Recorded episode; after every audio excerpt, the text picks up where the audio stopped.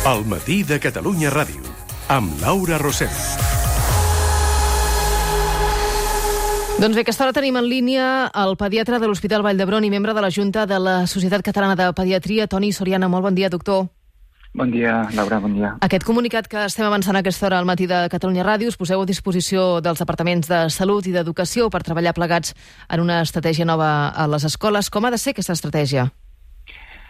Aquesta est- estratègia l'hem de, de consensuar, lògicament, no depèn de nosaltres eh, la, la sèrie de mesures que com, s'aplicaran aquestes mesures i quan, però sí que estem dient que portem en, amb la mateixa situació dins dels centres educatius des del setembre del 2020 amb pocs canvis, amb pocs canvis, i que eh, això està tenint un impacte en la salut emocional i, i lògicament, en, en el desenvolupament, sobretot dels nens petits, que, que creiem que ha arribat un moment que, que és necessari aquest canvi. Mm. Ah, Quin tipus de- d'efectes està tenint? Si ens ho podria concretar? En els, aquests efectes negatius sobre la salut emocional, sobre l'aprenentatge? Estan, estan ja sortint estudis en, en quant a dificultats en l'aprenentatge, en el desenvolupament psicomotor de, dels més petits. Eh, els més petits no porten mascareta, però sí que els seus eh, tutors o, o, o Mm. docents sí que la porten. Això es dificulta la- l'aprenentatge. En els eh, de primària, per exemple, la, la interacció amb altres eh, amics o companys d'altres grups bombolla de, dificulta d'alguna manera el coneixement eh, i la socialització i, i tot això eh, en definitiva són pals a les rodes i una dificultat molt gran per aquesta població. I heu fet arribar ja aquesta petició al govern? Sí, sí, s'ha fet arribar eh, des de la Junta de la Societat Catalana de Pediatria i el que demanem és que s'a- s'actuï igual que s'han començat a relaxar mesures en altres eh, ambients, doncs que s'actuï de la mateixa manera eh, en aquesta població, en els centres educatius. Teniu resposta de- d'educació o de salut? Encara no, eh, esperem doncs, poder tenir una reunió properament per abordar que, com, com es podrien plantejar aquest, aquestes mesures en les properes, en les properes setmanes o propers eh, mesos. Eh, estem parlant de que, això, que aquesta situació eh, hauria de ser bastant... Eh, hauria de ser consensuada amb el govern, lògicament, però que hauria de ser un, una desescalada mm, progressiva i ràpida. Sí. Mm. Pel que fa als grups bombolla, per què s'haurien d'eliminar? Per, per això que comentava, perquè hi ha moltes activitats que depenen... Hi ha nens i nenes que han estat durant dos anys eh, del seu... Penseu que un nen de sis anys, el, un terç de la seva vida ha estat al centre educatiu només amb companys, companyes del, del seu grup bombolla, sense poder fer activitats eh, de lleure o activitats diferents eh, conjuntament amb altres, amb altres companys i companyes del curs i, per tant, creiem que eh, tota aquesta interacció social que s'ha perdut durant aquest temps eh, pot repercutir i està repercutint en aquesta població. Mm. Pel que fa a la, a la política de- de cribratges eh, massius, quina és eh, l'opinió que teniu des de la Societat Catalana de, de Pediatria? Per què s'hauria d'aturar?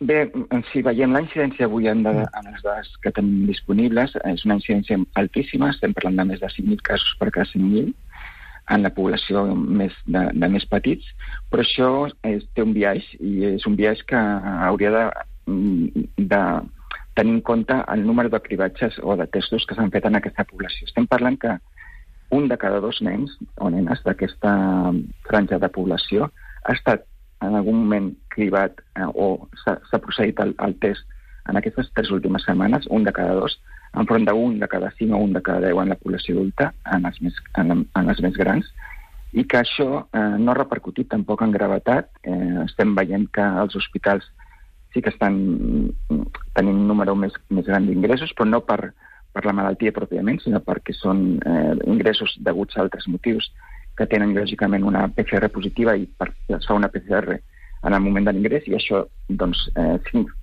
serveix per, per diferenciar els pacients amb, amb PCR positiva dels que no i, i aquesta, eh, aquest testatge massiu eh, creiem que, que donada la, la, probablement la immunitat col·lectiva que ha arribat a aquest grup de població doncs no té cap sentit en aquests moments. Mm. La transmissibilitat molt alta d'Omicron, sí. Per tant, es pot parlar ja d'immunitat de, de grup en, en els es més podria, petits. Es podria, parlar, es podria començar a parlar d'immunitat de grup. Eh, lògicament aquesta paraula amb, amb la Covid és molt...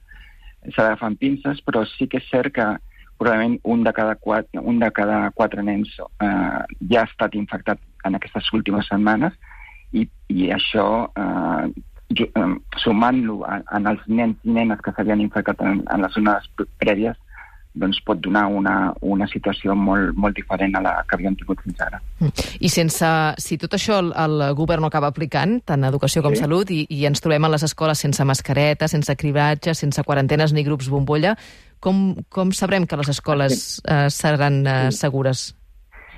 Estem, estem intentant eh, abordar una nova fase de la pandèmia. Eh, estem dient que tots els nens o nenes que siguin simptomàtics, que tinguin símptomes relacionats amb la Covid, com pot ser febre, malestar, tos, eh, tot, tots els signes que ja coneixem al llarg de la pandèmia eh, que s'han associat a aquesta malaltia, doncs que siguin, eh, que es puguin quedar a casa, eh, però que els nens que siguin asimptomàtics, que no tinguin cap tipus de, de, de símptoma associat a la Covid, que puguin seguir anant als centres educatius i que puguin seguir en la presencialitat que requereix la, seva, la seva formació pedagògica. Uh -huh. I això, eh, les escoles segures, eh, estem, estem dient que la transmissibilitat d'Omicron és tan elevada que hauríem d'estar parlant de, de restaurants segurs, de centres de treball segurs, d'altres... Jo crec que ha arribat un moment que no, aquest, aquest aquest enfocament és, és erroni absolutament. Toni Soriano, pediatre de l'Hospital Vall d'Hebron i membre de la Junta de la Societat Catalana de Pediatria, que avui fa públic aquest comunicat que acabem d'explicar al matí de Catalunya Ràdio, demanant al govern que relaxi les mesures de, de restricció a les escoles davant de la Covid-19. Moltes gràcies, doctor. Gràcies, Laura. Gràcies, bon dia. Bon dia. El matí de Catalunya Ràdio, amb Laura Rosell.